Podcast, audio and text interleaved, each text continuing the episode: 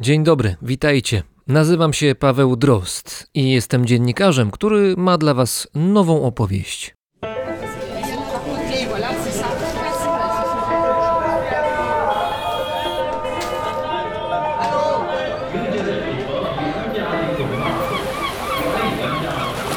Brzmienie świata z lotu Drozda.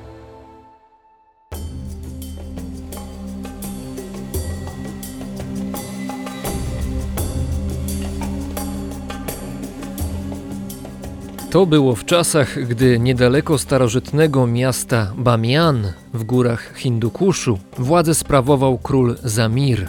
Niewiele było o nim wiadomo, ale mówili, że swoje modły kieruje do ognia, którego uznaje za swojego boga. Przez królestwo Zamira wiodła część jedwabnego szlaku, dlatego nie dziwi, że tamtejszymi drogami jechał kupiec Aziz.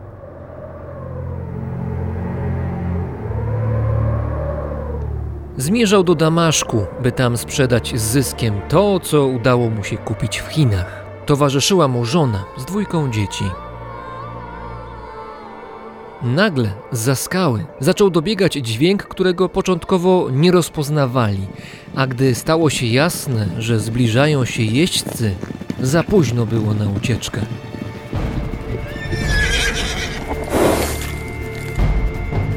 Kilku rosłych mężczyzn, grożąc szablami, zabrało ze sobą całą rodzinę Aziza, zostawiając go na zapylonej drodze. Aziz wiedział, że byli to wojownicy króla Zamira i że jego rodzinę czeka los niewolników.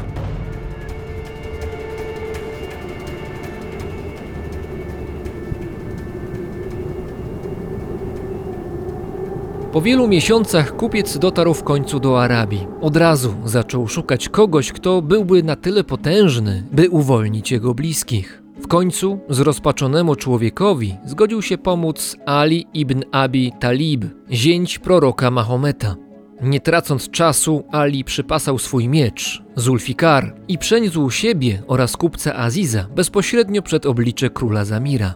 Ten, zaskoczony nagłym pojawieniem się gości, zgodził się uwolnić rodzinę kupca, ale pod pewnymi warunkami. Zamir miał w swoim królestwie problem, z którym nie mógł sobie poradzić. Były to wielkie powodzie, które pustoszyły ziemię jego poddanych. Nakazał więc Alemu zbudować zaporę wodną, która rozwiąże sprawę. Ali bez wahania dobył swojego miecza, Zulfikara i szybkim cięciem odciął czubek jednej z okolicznych gór. Tak powstała zapora, a obok niej jezioro Zulfikara. Jednak woda wciąż zalewała pola. Wtedy Ali przy pomocy dzikich roślin zbudował drugą tamę. Tak powstało jezioro Mięty. Jednak problem powodzi nie został usunięty. Wtedy Ali dostrzegł przechodzącą obok kobietę, wziął od niej ser, który niosła i stworzył z niego trzecią tamę. Tak powstało jezioro sera. Jednak woda została tylko częściowo zatrzymana, dlatego Ali stworzył czwartą tamę. Tak powstało jezioro dostojne. Gdy i to nie wystarczyło, Ali przy pomocy swojego służącego zbudował piątą tamę. Tak powstało jezioro Giermka. A kiedy problem nie został rozwiązany, Ali skorzystał z siły poddanego króla Zamira i zbudował tamę szóstą. Tak powstało jezioro niewolnika. Wtedy dopiero woda przestała zalewać pola. Wszystkie sześć jezior nazwano na cześć Alego Bande Amir, jeziorami Emira. Król Zamir był pod wrażeniem dokonań Alego, jednak dał mu jeszcze jedno zadanie. Zadanie trudne. Chodziło o zabicie smoka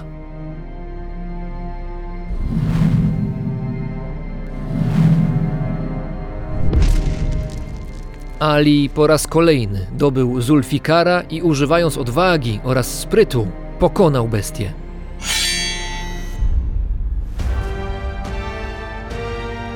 Król Zamir uznał gościa za niebezpiecznego. Zakuł go w kajdany i zamierzał zabić, lecz Ali z łatwością się wyswobodził. Na ten widok król padł na kolana przed wielkością Alego. Porzucił wiarę w Boga ognia i przyjął islam jako swoją nową religię.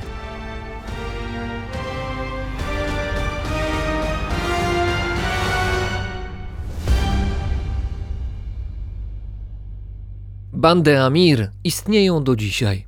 Te sześć jezior można podziwiać w środkowej części Afganistanu. Kąpiel może być nieco trudna, ponieważ spływająca z gór woda jest zwyczajnie lodowata, ale zawsze wchodzi w grę nurkowanie ze sprzętem w jakiejś dobrze dopasowanej piance do nurkowania. To jedna z najbardziej znanych atrakcji turystycznych Afganistanu. Mniej więcej 50 km na wschód od tego miejsca znajdowała się atrakcja, której już nie ma. Istniała 1500 lat. Majestatyczne posągi Buddy wydrążone w skale. W 2001 roku, z dużym trudem i przy wykorzystaniu wielkiego arsenału środków wybuchowych, figury zostały zniszczone przez talibów. Od tego czasu społeczność międzynarodowa, jak i sami Afgańczycy oraz afgański rząd myślą nad odbudowaniem wysadzonych w powietrze posągów. Odbudować się próbuje cały Afganistan i o nim, o znajdujących się w nim oazach normalności, będzie mowa w tym odcinku.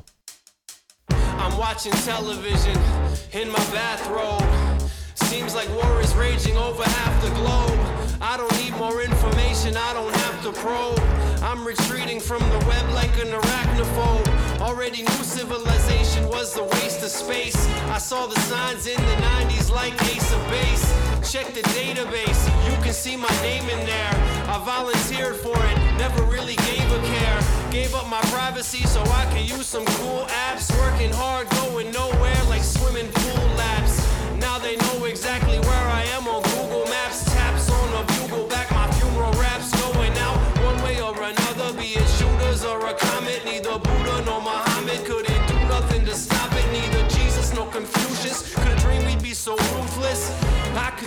but it'd be useless. No one's listening. The world's on fire, let it burn. The world's on fire, let it burn. The world's on fire, let it burn. The world's on fire, let it burn. Yeah, yeah, yeah, yeah, yeah. I know you're listening. Hi there. I know you tap my phone, see if I care. I know you've seen my web history with your spyware. I know I'm helpless like a baby on a high chair. A sitting duck, snip, snip, nip and tuck. Microchip is stuck into my brain and I could give a fuck. As long as that shit comes with a convenient built in GPS, go ahead and read my mind. You will never see me stress. Huh, I'll take the bliss with the ignorance. They know I'm Chris from the fingerprints. The software's got the facial recognition plus the voice recognition. No choice but just giving in. So they don't need to bother try trapping me. My apathy will allow me to die happily. Bypassing the unnecessary stress of trying to resist. That's a boat that I already missed. Let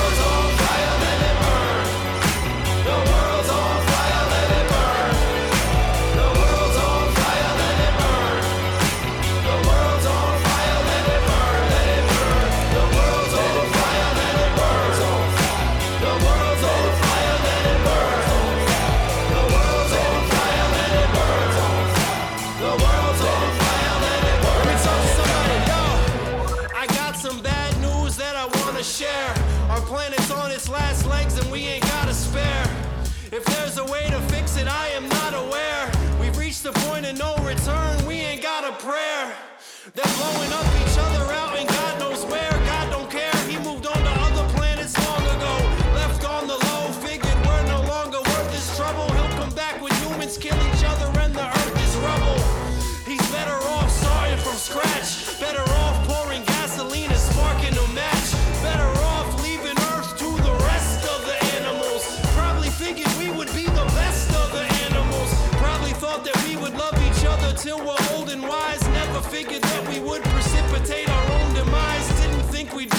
bunch of bloodthirsty lunatics.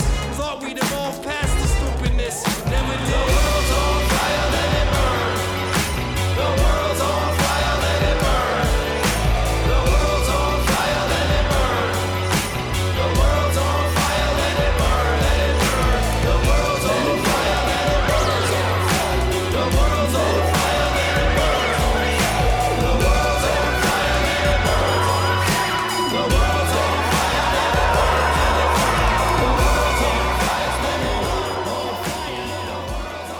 Są takie miejsca na świecie, do których przykleiliśmy etykiety. Kenia, safari. Egipt, piramidy. Afganistan, Wojna, konflikt, ludzkie tragedie. W ostatnich dziesięcioleciach Afganistanu rzeczywiście nie omijały poważne problemy. Zaliczyć do nich można choćby rządy talibów, jak i późniejsze pojawienie się wojsk NATO w 2001 roku i związane z nim długotrwałe walki. Ale czas płynie i nic nie stoi w miejscu, dlatego również dzisiejszy Afganistan wygląda inaczej niż jeszcze 10 czy 20 lat temu. W tym kraju teraz będziemy, razem z autorami kanału na YouTubie o nazwie Planeta Abstrakcja. W Stambule są z nami Ola i Borys. Dzień dobry, cześć. Witamy, witamy, cześć. witamy. Zacznijmy od tego może, dlaczego jesteście teraz w Turcji, bo wiem, że nie mieliście tego w planach. Turcja wyszła trochę przypadkowo, bo chcieliśmy pojechać w tym momencie do Armenii.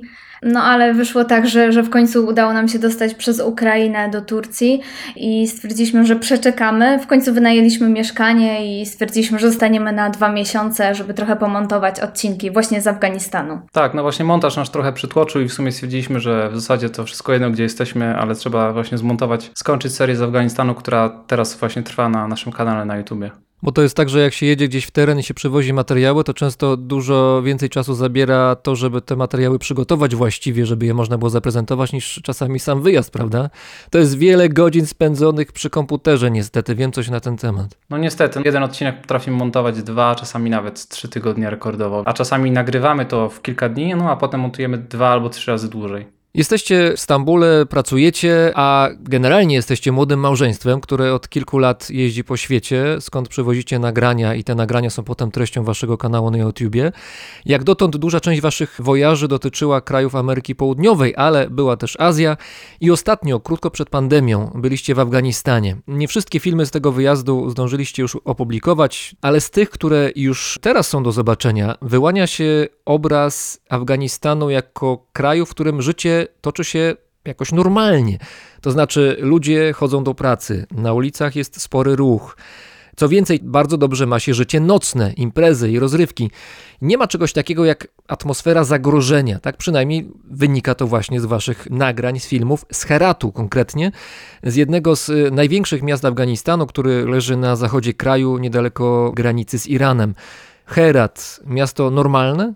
Znaczy, to trzeba tak powiedzieć, że to się wszystko przeplata, niestety. To znaczy, w każdym kraju, nawet w takich, gdzie toczą się konflikty zbrojne, no bo jednak w Afganistanie konflikt, on niestety zbiera no, olbrzymie żniwo i cały czas teraz, mimo tych rozmów pokojowych, które się toczą, ataki dokonywane przez nie tylko talibów, ale różne komórki związane z państwem islamskim są niestety codziennością. Są różne dane na temat tego, ile ludzi ginie w Afganistanie. Według ACLE zginęło prawie 40 tysięcy osób w zeszłym roku a w tym roku według UN około 6 tysięcy cywilów zostało rannych lub zabitych, gdzie jeszcze rok się nawet nie skończył, więc cały czas te ofiary są, ale prawda wygląda tak, że konflikt toczy się głównie na, na prowincjach, no i w Kabulu tak naprawdę, więc w takich miastach jak Herat i Mazar-i Sharif, przykładowo w większych miastach, nawet w Kandahar, nie mówię tu o prowincji Kandahar, tylko o samym mieście Kandahar, jest relatywnie bezpiecznie. Podkreślam relatywnie, bo wiadomo, czasami coś się dzieje, ale jest pewna taka doza normalności. Chcieliśmy też to pokazać w tych naszych odcinkach, bo jednak jak się wejdzie na stronę, nie wiem, Al Jazeera przykładowo, na dział o Afganistanie, no to w zasadzie wszystkie nagłówki praktycznie dotyczą właśnie zamachów z Kabulu albo tego typu sytuacji. No i trochę się zapomina o tym, że też jest taki Afganistan codzienny w miastach. Podkreślam tutaj w miastach, bo my nie byliśmy tak bardzo na prowincji. Ci ludzie chcą normalnie żyć i oni oprócz tego, że ta wojna się toczy, że są różne ataki, to oni chcą pójść gdzieś do jakiegoś baru, chcą pójść do sauny, chcą porozmawiać, normalnie wypić herbatę, pójść do rodziny, więc to życie się toczy. Na waszych filmach generalnie na YouTubie widać często, że jeżeli jesteście w danym kraju, to często łatwo i szybko łapiecie kontakt ze swoimi rówieśnikami, to znaczy z ludźmi młodymi, takimi jak wy, gdzieś przed trzydziestką powiedzmy, a młodzi ludzie wszędzie, niezależnie od nacji, chętnie ciągną i ku rozrywkom, i ku zabawie i też nie inaczej jest w Afganistanie. Tutaj w Heracie dzięki swoim nowym znajomym mieliście okazję posmakować trochę nocnego życia miasta. To może powiedzcie trochę o nich, to znaczy nazwijmy ich z imienia, czym się zajmowali. No, poza tym, że pewne jest, że to byli sami mężczyźni i Ola była tutaj w tym towarzystwie jedyną kobietą. No nie do końca to byli sami mężczyźni, ale tak w większości. Głównie było takich dwóch właśnie naszych znajomych, w sumie to przyjaciół można powiedzieć, bo mamy z nimi bardzo dobry kontakt do dnia dzisiejszego. Nawet wczoraj z nimi rozmawialiśmy. To był Zabi i Kasim. Oni nas trochę wprowadzili w tą kulturę taką Afganistanu, w życie nocne, w imprezy i inne takie rzeczy. Oprócz tego też bardzo dużo nam poopowiadali właśnie o talibach. Oni się zajmowali grafiką. Kasim ma swoją taką firmę, projektują loga dla, dla różnych firm, robią kampanie reklamowe, a Zabi po prostu został przez niego zatrudniony. Zatrudniony, tak. Tak. A, w- a w wolnych chwilach chodzili po górach i w sumie tak się poznali. Poprzez spinaczkę górską. Zajmowali się też aktywizmem szeroko pojętym. Na przykład zrobili taką kampanię społeczną, gdzie rozdawali ludziom w mieście jakby takie torby, żeby nie używali po prostu plastikowych opakowań, które tam wokół właśnie Herat ludzie często chodzą w góry i wszędzie jest dużo śmieci. Kasim Zabim robili taką kampanię właśnie, żeby uświadamiać ludzi, żeby nie używać tyle plastiku i tego typu rzeczy. Świeżo skończyli studia. No prowadzą dość aktywne życie. Pracują, zajmują się spinaczką górską, imprezami. No właśnie, ale to niesamowicie brzmi, bo jeżeli mamy obraz kraju, w którym toczy się wojna, no to nie myśli się o czymś takim, że ktoś sobie chodzi na wycieczkę w góry, to jest raz. Dwa, że ktoś ma czas, energię i w ogóle się tym zajmuje, żeby przekonywać innych do zachowań proekologicznych. Raczej inne obrazy mamy w głowie, a tutaj przedstawiacie taką wizję właśnie takiej enklawy pewnej normalności, którą jest w tym wypadku Herat, a generalnie zakładam też duże miasta w Afganistanie w ogóle są. Ale też trzeba zauważyć to, że Kasim z Zabim, oni się wychowali już w Afganistanie takim, jaki jest. I ich pewne rzeczy po prostu nie szokują. Na przykład, jak rozmawialiśmy kiedyś z Kasimem i pytaliśmy go, czy jak jeździ do Kabulu, to czy lata samolotem, czy jeździ autobusem. Bo w Afganistanie jest tak, że większość dróg jest bardzo niebezpieczna, a w szczególności ta z Herat do Kabulu jest bardzo niebezpieczna. No i na drodze często się spotyka na przykład postój, gdzie talibowie po prostu zatrzymują autobus albo jakaś Kontrole. inna organizacja. No i na przykład jeśli pracuje się dla rządu, albo ma się jakieś powiązanie z jakimiś organizacjami finansowanymi na przykład przez Stany Zjednoczone, no to można zostać porwanym, nawet zamordowanym bezpośrednio na drodze. I na przykład Kasim nam opowiadał, że on jeździ autobusem i że ostatnio jak jechał autobusem, to że właśnie na drodze rozstrzelano kilkanaście osób. No i się pytałem go, czy się bał, a on mówi, że, że nie, no bo w sumie to on nie pracuje dla rządu i że on czuł się bezpiecznie. I dla nas to było takie szokujące, on to widział i mimo tego i tak dalej gdzieś tam jeździ sobie autobusem. Mówi, że czasami poleci samolotem, ale jakby nie mówił o tym, że leci samolotem ze względu na bezpieczeństwo, tylko dlatego, że no akurat teraz poleciał go po prostu. Powiedział jeszcze jedno takie zdanie: Ja się niczego nie boję. I tak samo Zabi, który jeździł na przykład tam do prowincji Farao obok, bardzo niebezpieczne tereny, no po to, żeby sobie pochodzić po górach. I on zawsze mówi, no czasami jest lekki stres, jak jedzie gdzieś przez te tereny, ale jak już wejdzie w góry, to ma taką wolność, bo wie, że tam wysoko w górach żadne właśnie organizacje terrorystyczne tak bardzo wysoko w góry konkretnie, a tu mówię tam sześciotysięczniki, to się tam nie pchają i że tam jest bezpiecznie i że tam czuje taką prawdziwą wolność w tych górach. Zastanawiam się, z czego wynika zachowanie waszych przyjaciół, to znaczy czy z niefrasobliwości i, i ryzykowania życia dla przyjemności w postaci chodzenia w górach, którą to przyjemność rozumiem, no ale jednak nie zaryzykowałbym życia w tej chwili jadąc z Warszawy w Tatry na przykład, raczej bym się tego nie podjął, czy z tego, że to niebezpieczeństwo, które na tym samym poziomie przez wiele, wiele lat się w Afganistanie utrzymuje, również pokoleniowe jest to doświadczenie, poczucie zagrożenia jest przekazywane z pokolenia na pokolenie, czy to jest tak, że Afgańczycy są w stanie w jakiś sposób to przetrawić, przerobić w swojej głowie i mimo tego zagrożenia próbować w miarę możliwości budować swoje normalne życie, chociażby przez to, że właśnie mają czas i energię i chęć do tego, żeby praktykować chociażby chodzenie w górach, czy jakiekolwiek inne rozrywki. No ja myślę, że ja bym postawił na to drugie, bo jednak to nie jest tak, że tylko jadąc gdzieś jakąś drogą może coś się stać, bo na przykład w Kabulu jest dużo zamachów terrorystycznych i też taka ciekawa rozmowa, rozmawialiśmy właśnie, z, bo tak jeszcze nie powiedzieliśmy, że też się pojawiały dziewczyny w naszym towarzystwie, tylko one nie wyraziły zgody na to, żeby pojawiać się na filmikach, więc dlatego to wyglądało tak, że tylko imprezowaliśmy z facetami, ale było tam trochę dziewczyn, oczywiście mniej zdecydowanie niż to by było w Polsce na przykład, ale trochę było. No to z jedną dziewczyną rozmawialiśmy i mieliśmy z nią taką rozmowę, że ona jechała na uczelnię w Kabulu i był taki bardzo gorący okres wtedy i w trakcie jej drogi gdzieś tam z obrzeży Kabulu na uczelnię były dwa jakieś zamachy terrorystyczne, jakaś strzelanina i w Afganistanie jest dużo takich aplikacji na telefon, żeby sprawdzać na przykład Kabul Security Now, gdzie się sprawdza po prostu co się dzieje i gdzie są jakieś zagrożenia. No i ona mówiła, że widziała, że na tej aplikacji w tych miejscach w miarę gdzieś tam, gdzie jechała na tą uczelnię było tyle zamachów i ona potem mówiła, że ja nie wiem w ogóle jak ja dojechałam żywa na tą uczelnię. Więc od czegoś takiego po prostu się można przyzwyczaić. A też Kasim i Zabi, którzy są z Herat, oni też bardzo często bywali w Kabulu. Zabi mieszkał chyba rok w Kabulu Mhm, też. mieszkał, tak. No więc po prostu przywykli do tego, jakkolwiek to brzmi. Oswoili się jakoś. No i też niestety tak pesymistycznie do tego podchodzą jakiekolwiek negocjacje Amerykanów z talibami, czy teraz talibów z rządem. Raczej do tego podchodzą pesymistycznie niestety. To rozumiem, że takie jest podejście generalnie do sytuacji w kraju, ale na waszym filmie widać jednak dużo zabawy po prostu. No miło spędzacie czas przynajmniej w Heracie. Opiszcie trochę jak to wygląda, bo z jednej strony to bardzo przypomina nocne życie w dużych polskich miastach chociażby, czy generalnie w Europie, ale są też pewne różnice. No jedna z tych różnic jest oczywista, to znaczy taka, że Ola nie mogła brać udziału we wszystkich tych rozrywkach, bo niektóre były przeznaczone tylko dla mężczyzn. To znaczy tak, mnie trochę inaczej traktowali, bo jestem po prostu osobą z zagranicy, jestem tam turystką. Traktowali mnie zupełnie inaczej niż kobiety, które tam się wychowały i są ich koleżankami. Także ja miałam pozwolenie na trochę więcej. Na przykład byłam w takim barze, shisha barze, który jest tylko i wyłącznie dla mężczyzn, ale na przykład do sauny nie poszłam. Nie poszłam w sumie też ze swojego jakby... Nie, ta byś nie była wpuszczona po prostu. No tak, nie byłabym wpuszczona, ale też nie chciałabym tam pójść, nie? No bo je- jednak są tam sami faceci, nie? Mhm, mhm. To opowiedzcie o konkretach może, jak to nocne życie w Heracie wygląda. To, co się mnie rzuciło w oczy, tak jeżeli chodzi o różnicę pomiędzy nocnym życiem tam, a nocnym życiem chociażby w Europie, to jest to, że nocą, kiedy się jedzie samochodem, to właściwie tylko światła samochodu rozświetlają okolice. Wszędzie dookoła ciemno. Zależy od ulicy. Często też pada tam elektryczność. To zdarza się praktycznie codziennie. I jeśli chodzi o jakieś takie po- powiedzmy bogatsze dzielnice, no to mają swój generator, no i produkowany jest prąd przez to, ale wiele dzielnic po prostu tego nie ma, no i wtedy, wtedy nie ma oświetlenia, nie ma niczego. Tak, to prawda sobie rzeczywiście. radzić. To nam trochę przypominało Wenezuelę momentami, bo no codziennie praktycznie nie było prądu, Mhm. ciepłej wody i tak dalej, więc to się rzucało w oczy. No ale to zależy. W Afganistanie jest też tak, że są takie ulice bardziej, no zazwyczaj w centrum miasta, no to tam wszystko jest oświetlone i tak dalej, wszystko wygląda trochę inaczej, więc jest duży kontrast. Ale są też takie miejsca, które też odwiedziliście, bardzo wystawne, gdzie przepych kapie z każdej ściany. Mam na myśli te sytuacje, kiedy byliście, nie wiem, czy zaproszeni, czy po prostu wkręciliście się na imprezę weselną tam na miejscu. Tak, ja jeszcze nawiążę do tych świateł, bo tak w sumie pierwszy raz jak widzieliśmy Afganistan, to było w 2017 roku, byliśmy wtedy w Tadżykistanie. Wjechaliśmy wzdłuż właśnie granicy z Afganistanem i ktoś nam właśnie powiedział wtedy, że spójrz na drugą stronę rzeki nocą i że wtedy właśnie jest tak mało świateł po afgańskiej stronie. Rzeczywiście tak było, że po tej tadżyckiej było wszystko tak oświetlone, a ta afgańska strona była taka ciemna. No i tak sobie wyobrażaliśmy, że właśnie w tym Afganistanie będzie tak ciemno, jakby to było takie skojarzenie pierwsze.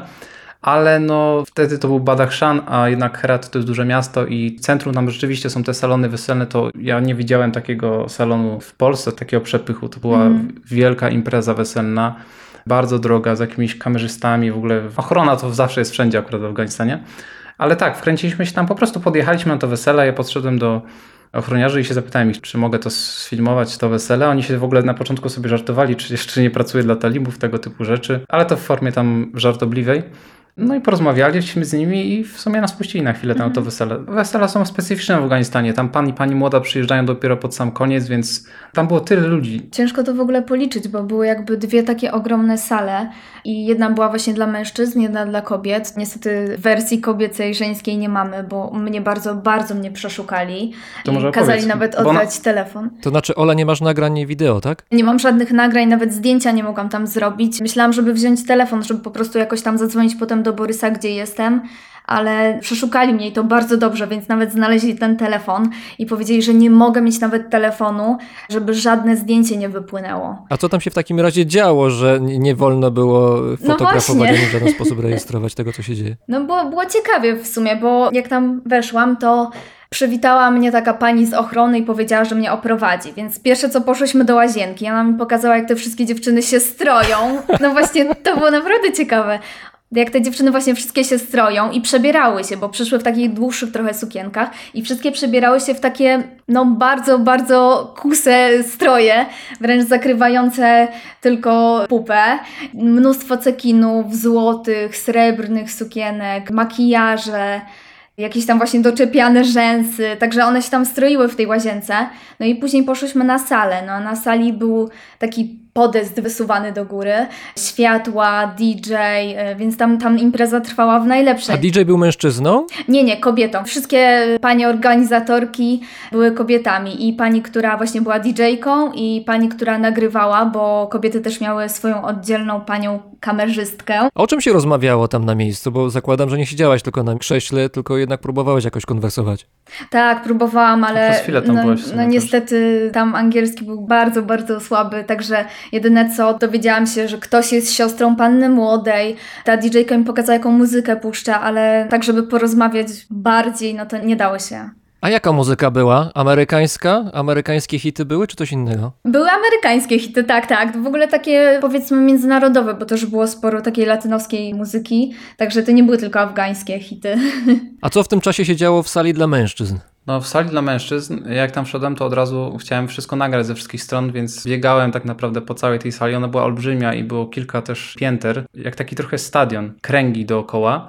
Co się działo? Wszyscy siedzieli. Była taka starszyzna, która witała wchodzących gości.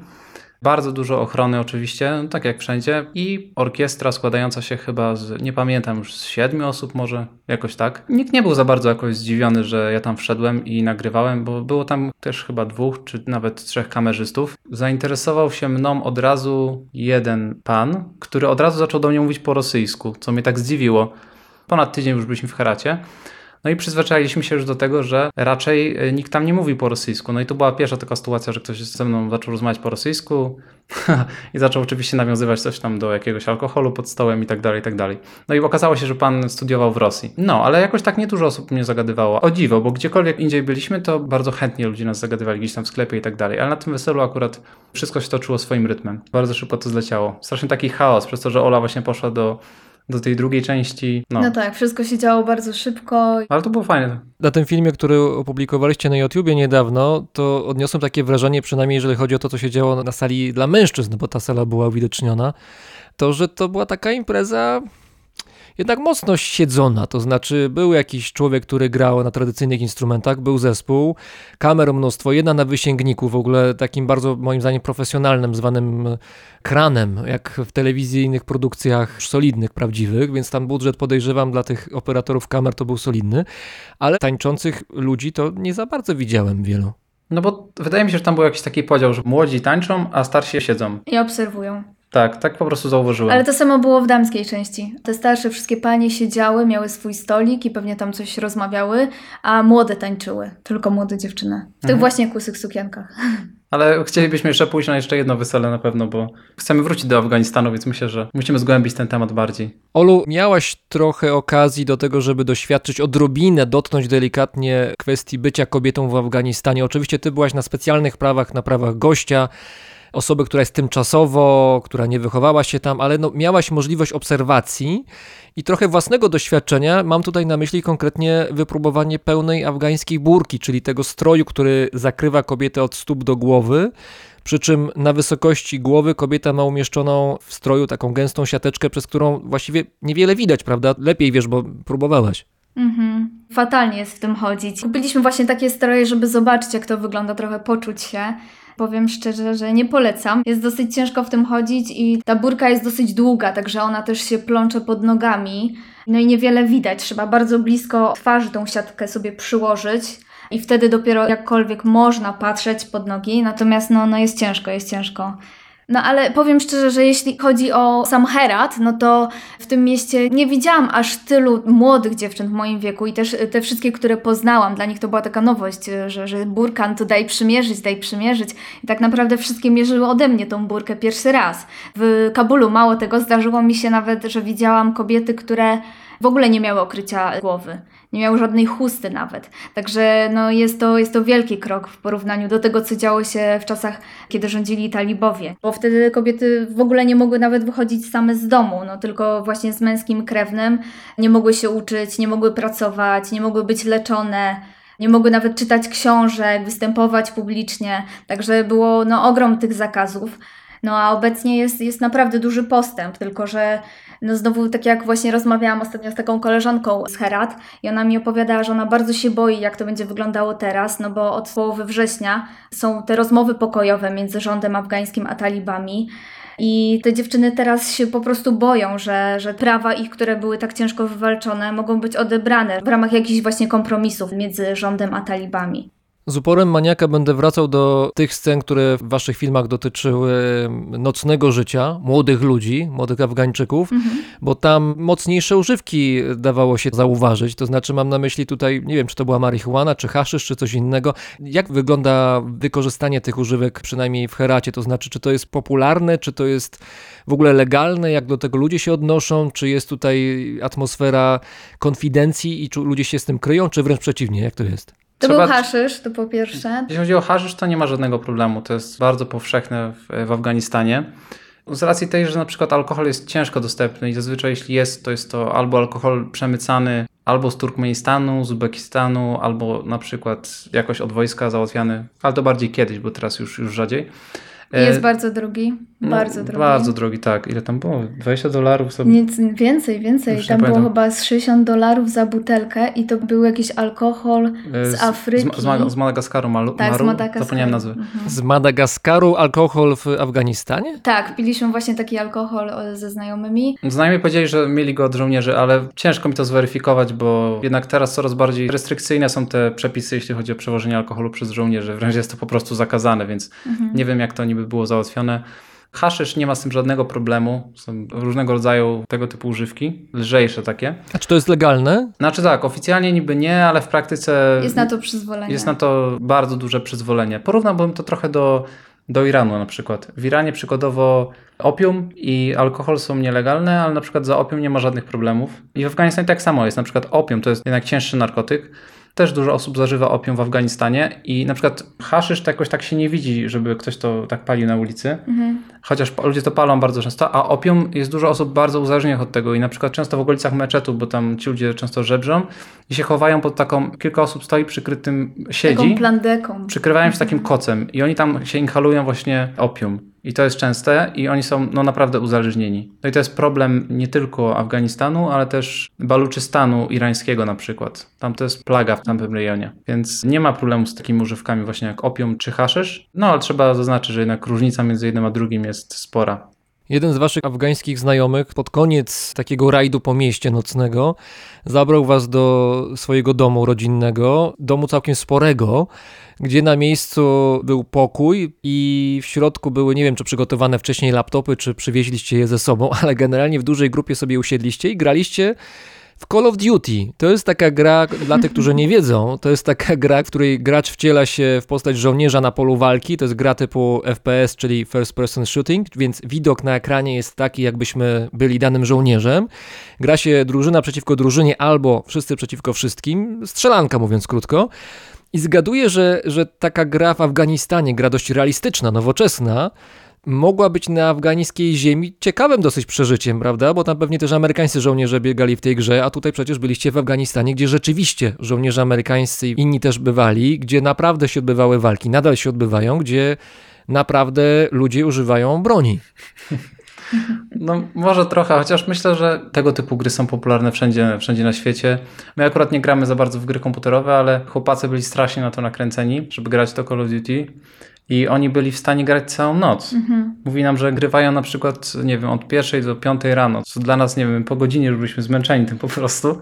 No ale wczuliśmy się w klimat i też sobie pograliśmy trochę. Na naszym kanale na YouTubie widzieliśmy komentarze, że ludzie pisali, że o, że na Call of Duty, na jakichś serwerach jak się gra, to często właśnie grają tam Rosjanie i też ludzie właśnie z Iranu i z Afganistanu. Takie Tak, komentarze tak, się ale pojawiały. też jak rozmawiałam z Zabim, to on mówił, że grywa w różne gry. Nie pamiętam, już teraz nie będę wymieniała, bo, bo nie pamiętam dokładnie nazw, ale mówił, że przez to też uczy się angielskiego i w sumie no fajny sposób na naukę, bo jednak coś tam pisze do tych różnych użytkowników i podłapuje angielski, a co nie rozumie, to tłumaczy od razu. Także sposób na angielski też. Tak, i trzeba zaznaczyć właśnie, że nasi koledzy Kasim i Zabi, co mnie bardzo zdziwiło, bo jak wjechaliśmy właśnie do Afganistanu, to w zasadzie tylko język Dari i nic więcej. Ale na przykład Kasim i Zabi właśnie mówili bardzo dobrze no, po angielsku. Mhm. I nauczyli się... się sami, także, także Tak. też wielki szacunek dla nich.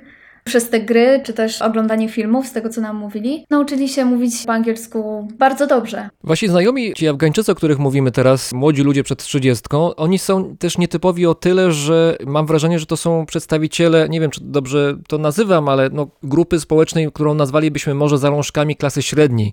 To są ludzie, którzy mają pieniądze na rozrywki, na to, żeby pójść do sauny, na basen, do restauracji, żeby mieć te laptopy, żeby grać w Call of Duty.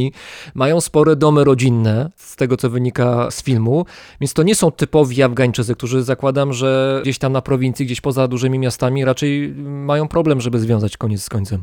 No tak, ale nie wszyscy, bo na przykład Zabi był z takiej przeciętnie zamożnej rodziny, Mhm. po prostu dobrze się uczył na, na uczelni i załapał się do tej pracy, ale pieniądze, które zarabiał, wydawał na rozrywkę, bo mieszkał z rodzicami, więc to jest Na też... rozrywkę i, i na góry, na sprzęt w góry, bo on Tak, bardzo dużo tak. kupował tych różnych, nie wiem, tam plecaków, jakichś raków i tak dalej. No ale też nie powiedziałbym tak, że na przykład w Herat czy w Kabulu to, że się ma laptopa to jest jakiś luksus, no bo to jest norma tam tak naprawdę w miastach. Oczywiście Afganistan to jest kraj, gdzie jest stopień zurbanizowania niski, tam większość populacji mieszka jednak na wsiach, no i wiadomo, tam jest zupełnie inna rzeczywistość, zresztą połowa kraju tak naprawdę jest kontrolowana przez talibów i tam jest też zupełnie inne prawo, więc to wygląda zupełnie inaczej w zależności od miejsca, w jakim się znajdujemy w Afganistanie.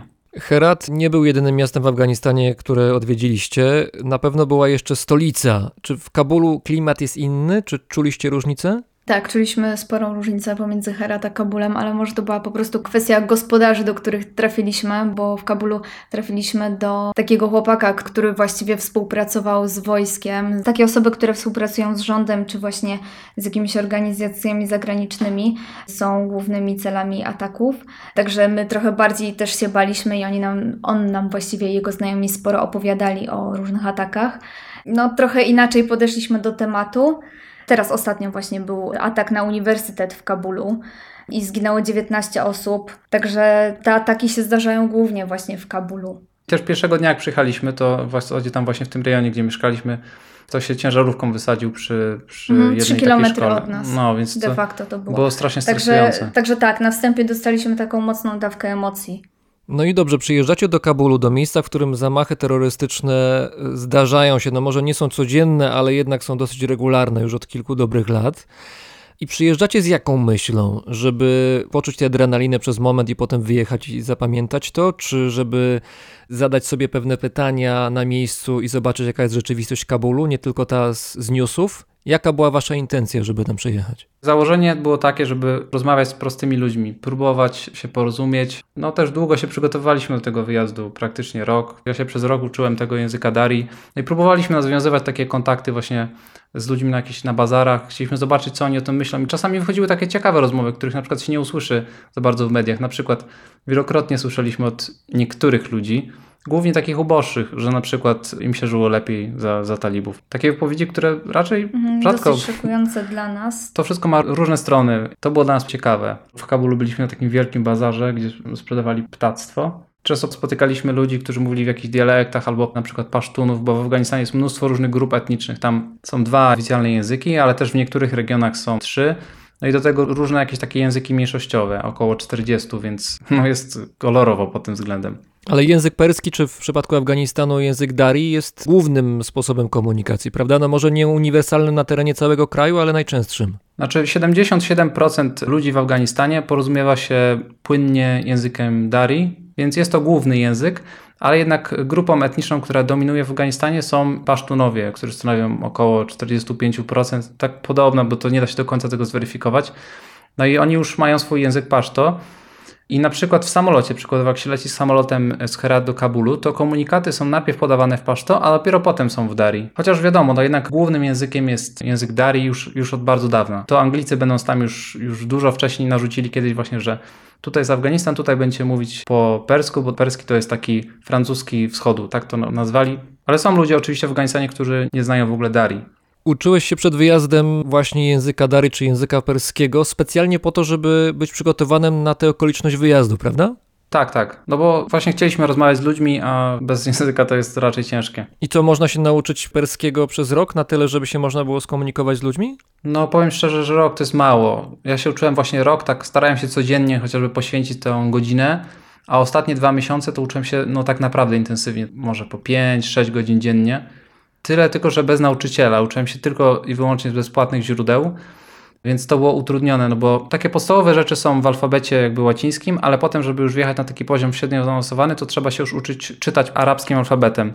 A arabski alfabet ma to do siebie, że, no, że samogłoski są często niezapisywane, więc wiele słów, jak ktoś ci nie powie, jak to się przeczyta, trzeba się po prostu domyślać robiąc to samemu, bez pomocy nauczyciela, było to ciężkie, więc może dlatego mi tak długo to zajęło, bo po tym roku byłem w stanie, powiedzmy tak, no komunikatywnie się porozumiewać, ale nie był to jakiś super płynny poziom. No to ja muszę powiedzieć, pochwalić Borysa, bo wszędzie, gdzie poszliśmy i ktoś nie mówił po angielsku, to wszystko, o co nas zapytali, to Borys odpowiadał, także bardzo fajnie.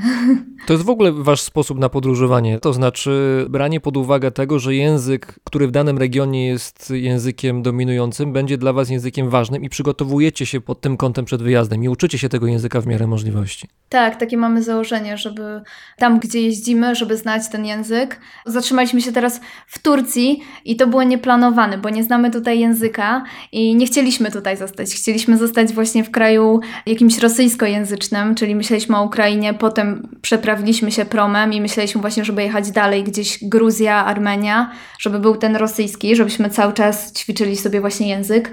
No, ale chcemy też rozwijać ten właśnie język perski, bo planujemy w przyszłości zamieszkać właśnie w centralnej Azji. Myślimy, zastanawiamy się między Uzbekistanem a Tadżykistanem, jeszcze nie zdecydowaliśmy. Ale zamieszkać na stałe? W jakim sensie zamieszkać? Tak, Tak, na dłużej. Jeszcze nie wiemy, czy na stałe, ale, ale w planach jest na dłużej. tak, tak. No, mie- mieszkaliśmy już w Biszkeku i bardzo nam się tam podobało, chociaż ciekawszy chyba jest Taszkent, myślę. Co prawda nie ma jeszcze nic na przykład z Azji Centralnej na naszym kanale na YouTubie, ale my tam wiele razy byliśmy i to jest takie nasze miejsce, gdzie na pewno będziemy tam dużo nagrywać. No i Lubimy tam wracać. tak, język perski jest bardzo ważny. To jest ciekawe nie tylko w Iranie, Afganistanie i Tadżykistanie, ale w Uzbekistanie jest olbrzymia ilość Tadżyków, która mieszka na przykład w rejonie Buchary. Tam około 80% ludzi mówi po tadżycku na przykład, no czyli po persku. Więc ten język jest, jest bardzo ważny. Już trochę też umiem, ale nie na takim poziomie jak Borys, ale różne słówka i, i dużo rozumiem, także na pewno będzie lepiej. Zastanawiam się, na ile jesteście jednomyślni w ocenach tego, co wam się przydarza w drodze i tego, z kim się spotykacie, to słyszycie. Czy coś was dzieli w patrzeniu na te sytuacje, które was spotykają? Czy zawsze jesteście zgodni w tym, jak potem już post factum patrzycie na to, co się wydarzyło?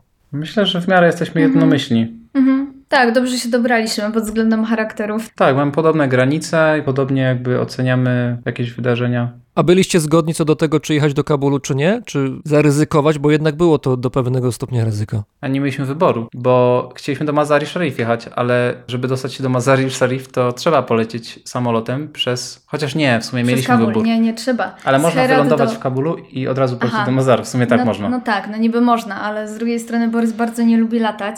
I to tak bardzo, bardzo, więc każdy kolejny lot tego samego dnia to jest dodatkowy stres dla niego, także w sumie nawet nie myśleliśmy o tym, nie? Poza tym Nie, ja no ja- chciałam, ja tak, no bardzo jak- chciałam jak zobaczyć, lecę- y, nie, no, po co prostu- jest w Kabulu. Jak już tam przylecieliśmy, no to dlaczego nie zobaczyć, nie spróbować? Wszędzie może się coś wydarzyć, no, nawet teraz, nie wiem, może być trzęsienie ziemi i może nam się zawalić budynek, także ryzyko jest zawsze. A to powiedzcie coś jeszcze o Mazari Sharif. To jest trzecie miasto, które odwiedziliście w Afganistanie, bo mamy na zachodzie mamy Herat, na wschodzie mamy Kabul, a pomiędzy nimi na północy mamy Mazari Sharif. No do Mazar Sharif my przyjechaliśmy, bo chcieliśmy zobaczyć Buskashi. To jest taki sport popularny w Azji Centralnej pod różnymi nazwami. Nie wiem, na przykład Kokburu czasami się nazywa w Kirgistanie. I ten sport polega na tym, że de facto nie ma za bardzo zasad. Po prostu mężczyźni na koniach walczą o truchło kozy, tak? No, Walczą o- martwą o- kozę. O ciało tak, martwej kozy i teraz w sumie trochę się to zmieniło, bo teraz zamiast kozy mają cielaka i my w sumie jak byliśmy w Mazari Sharif to był cielak. To myślę, że wszystkie kozy w regionie są wdzięczne za zmianę zasad. Znaczy I- to jest różnie od regionu. W innych krajach czasami to jest coś innego i tak dalej, nie? Więc w No Uzbekistanie tak, też tak, zale- tak dokładnie, zale- zależy od regionu. No w Mazari Sharif był cielak. I polega to na tym, że panowie są na koniach i walczą o ciało tego cielaka i muszą podnieść jedna osoba tego cielaka i wrzucić do danego takiego okręgu, który jest narysowany. No i ta osoba, która wrzuci tego cielaka, no to wygrywa, ale de facto nie ma tam żadnych zasad, bo wszyscy inni gracze odbierają tego cielaka, wyrywają sobie, te konie lecą na siebie, na zabój, także no to jest kurz, pył, walka, krew i często nawet jakieś różne złamania. Tak, no, niestety. No to jest, to jest taka hardkorowa gra. I trochę my tak podeszliśmy do tego nierozważnie, bo tam są takie trybuny jakby i ludzie siedzą na tych trybunach, a czasami na przykład cała ta akcja toczy się, nie wiem, kilometry dalej. No i my tak szliśmy piechotą, Bo chcieliśmy nagrać podejść do oczywiście. tych koni bliżej i widzimy, że inni ludzie też idą, no to też idziemy. I nagle te konie wszystkie się zrywają i pędzą jakby na nas. No i my jesteśmy piechotą, więc żeby uciec to jest ciężko. To naprawdę było Mhm. straszne i pędem uciekaliśmy, te konie wszystkie na nas lecą. To było niesamowite. Nigdy czegoś takiego nie widziałem. Może ktoś was pomylił z tym cielakiem, wtedy byłby problem, jakby wami grami. Nie, myślę, że nie, bo tam dużo było właśnie takich osób, które tam podchodziły bliżej. Jakoś jakimś cudem nikt tam nie wpadł pod te konie. A pomijając kwestie estetyczno-etyczne, to sport wciąga? No jest to ciekawe, żeby to zobaczyć. Tak, dokładnie. Ciekawe, żeby zobaczyć, ale no nie byłabym jakąś zagorzałą fanką tego sportu. Ale myślę, że ten sport będzie ewoluował, to znaczy właśnie w tą Mhm. stronę, że to nie Tak, będzie tak. cielak, tylko że to będzie jakiś przedmiot i tak dalej, i tak dalej. I ten sport właśnie cieszy się sporą popularnością, bo widzieliśmy na przykład boisko tam piłkarskie, no to ro- rozmawialiśmy z ludźmi, to ludzie wolą iść na Buskaszyi niż na przykład na mecz piłki nożnej, przynajmniej tam w Mazari Sharif, Mhm. gdzie jest zbudowany bardzo ładny nowy stadion. A czy publiczność w ogóle jest w stanie zorientować się w tym, co się dzieje tam przed ich oczyma? To znaczy, czy wiadomo, kto wygrywa, kto przegrywa? Nie wiem, dla mnie nie. Ja, ja nie wiem w ogóle, jak oni Tam to jest ogarniają. straszny w ogóle chaos, bo na tych trybunach są młodzi chłopcy, starsi, starsi panowie i de facto oni ze sobą rozmawiają i jakby przy okazji spojrzę, ale tutaj rozmawiam, tutaj jedzą jakieś, jak się nazywały te białe kurki? Kurt, no kurt. Kurt, no Kurt jedzą. właśnie. Jedzą jakiś tam właśnie kurt, coś tam robią, ale spojrzą jak wygląda gra. Tylko to w Mazari Sharif, to znaczy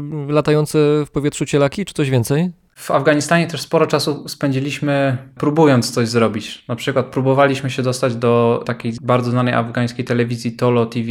Zdobyliśmy kontakt i czekaliśmy na potwierdzenie, Ale bardzo długo e, wysyłanie paszportów Mhm. i tak dalej. W Mazar Sharif też czekaliśmy, właśnie chcieliśmy dostać się do takiego skateparku, który pojawił się w takim znanym dokumencie, który dostał Oscara w zeszłym roku. Skateistan film. Mhm.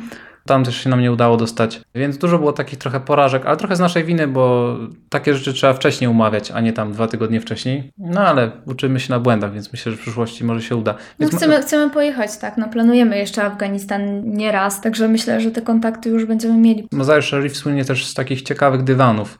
Mówi się tak, że Turkmeni afgańscy produkują dywany. No i to są takie ciekawe dywany z różnymi specyficznymi wzorami, na przykład dywan, na którym jest kałasznikow, albo granaty, albo jakiś e, World Trade Center. Naprawdę, to bardzo jest World Trade Center, naprawdę bardzo ciekawe poczucie humoru. Tak, tak. Tak, Znaczy no. to jest, nie jest jakby jako poczucie humoru. Ten dywan z World Trade Center i samolotem wbijającym się w World Trade Center to nie jest dla jaj, tylko jest napisane na tym dywanie, że od tego dnia zaczęła się wolność Afganistanu. I ten dywan symbolizuje zdanie tych Afgańczyków, którzy cieszą się z tego, że Amerykanie pojawili się w Afganistanie, bo dużo jest takich Afgańczyków. Dywan jako deklaracja polityczna. Coś takiego, tak. Mhm, Bo wielu Afgańczyków w miastach na przykład boi się tego, że jak Amerykanie wyjdą, to że będzie gorzej. Na prowincji jest często odwrotnie. To znaczy, że chcieliby, żeby nie było obcych wojsk w ich kraju, no ale w miastach często ludzie, którzy mają jakieś biznesy na przykład cieszą się z tej obecności, no i ten dywan trochę Takim obrazuje. symbolem, nie? I w Mazary Sharif tego jest bardzo dużo, takich dywanów. Sami też właśnie zakupiliśmy dywanik, ale my zakupiliśmy z, Z mapą z Afganistanu. mapą Afganistanu. Z prowincjami wszystkimi. Teraz jesteście w Stambule. Jak powiedzieliście na początku, montujecie kolejne filmy, które się będą pojawiały na waszym kanale na YouTubie. A macie okazję trochę poczuć Turcji, trochę poczuć Stambułu, który też jest takim mikrokosmosem tureckim, od czymś osobnym. Jak w tej chwili wygląda sytuacja też pod kątem pandemii? O to też pytam. De facto jak się zabieramy za domontowanie, to cały dzień siedzimy, siedzimy w domu. No ale I- byliśmy kilka razy na mieście, no to jeśli chodzi o takie obostrzenia, no to wszędzie są maseczki, oczywiście wymagane. Do tego w każdej restauracji na stole jest płyn do odkażania rąk. No i teraz niedawno zamknęli też siłownię, znaczy zamknęli, zamknęli. Wprowadzili taki zakaz, że od 22 wszystkie restauracje się zamykają i siłownie. No nasza na przykład siłownia w bloku, bo mamy ten luksus tutaj, że mamy akurat siłownię w naszym bloku, no to zamyka się o 21. Ale Turcja jest otwarta dla turystów, podobnie jak Afganistan zresztą. Taka ciekawostka. No Zobaczymy jak będzie, czy będzie jakiś No wzrost zobaczymy, co dalej, Ciężko co dalej stwierdzić. My tak naprawdę większość czasu teraz siedzimy, siedzimy w domu. Życzę wam w takim razie wytrwałości przed komputerem, bo to potrafi człowieka zmęczyć, wiem coś na ten temat i potrafi dać w kość. Czasami człowiek ma ochotę wyjść jednak na zewnątrz i trochę złapać powietrza. Bardzo wam dziękuję. Razem z nami byli Ola i Borys, czyli autorzy kanału na YouTubie o nazwie Planeta Abstrakcja. Dzięki wielkie. Dziękujemy bardzo za serdecznie zaproszenie. i Dziękujemy za zaproszenie.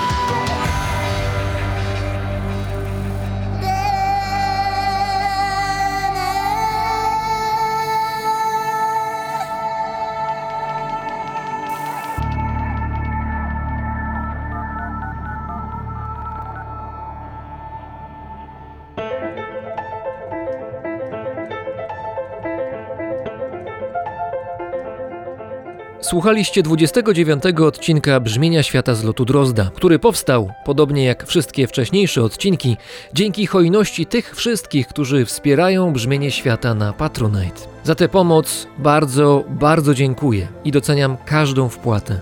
Bez Was nie miałbym szansy na dalszą pracę. Na nowe odcinki Brzmienia Świata czekajcie w każdą sobotę rano.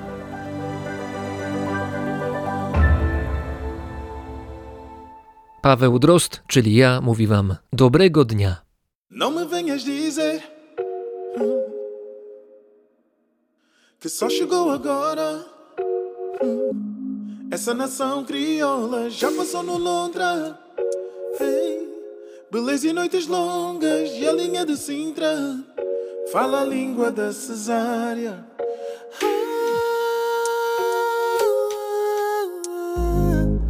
Mesmo descalço, no bem mais longe.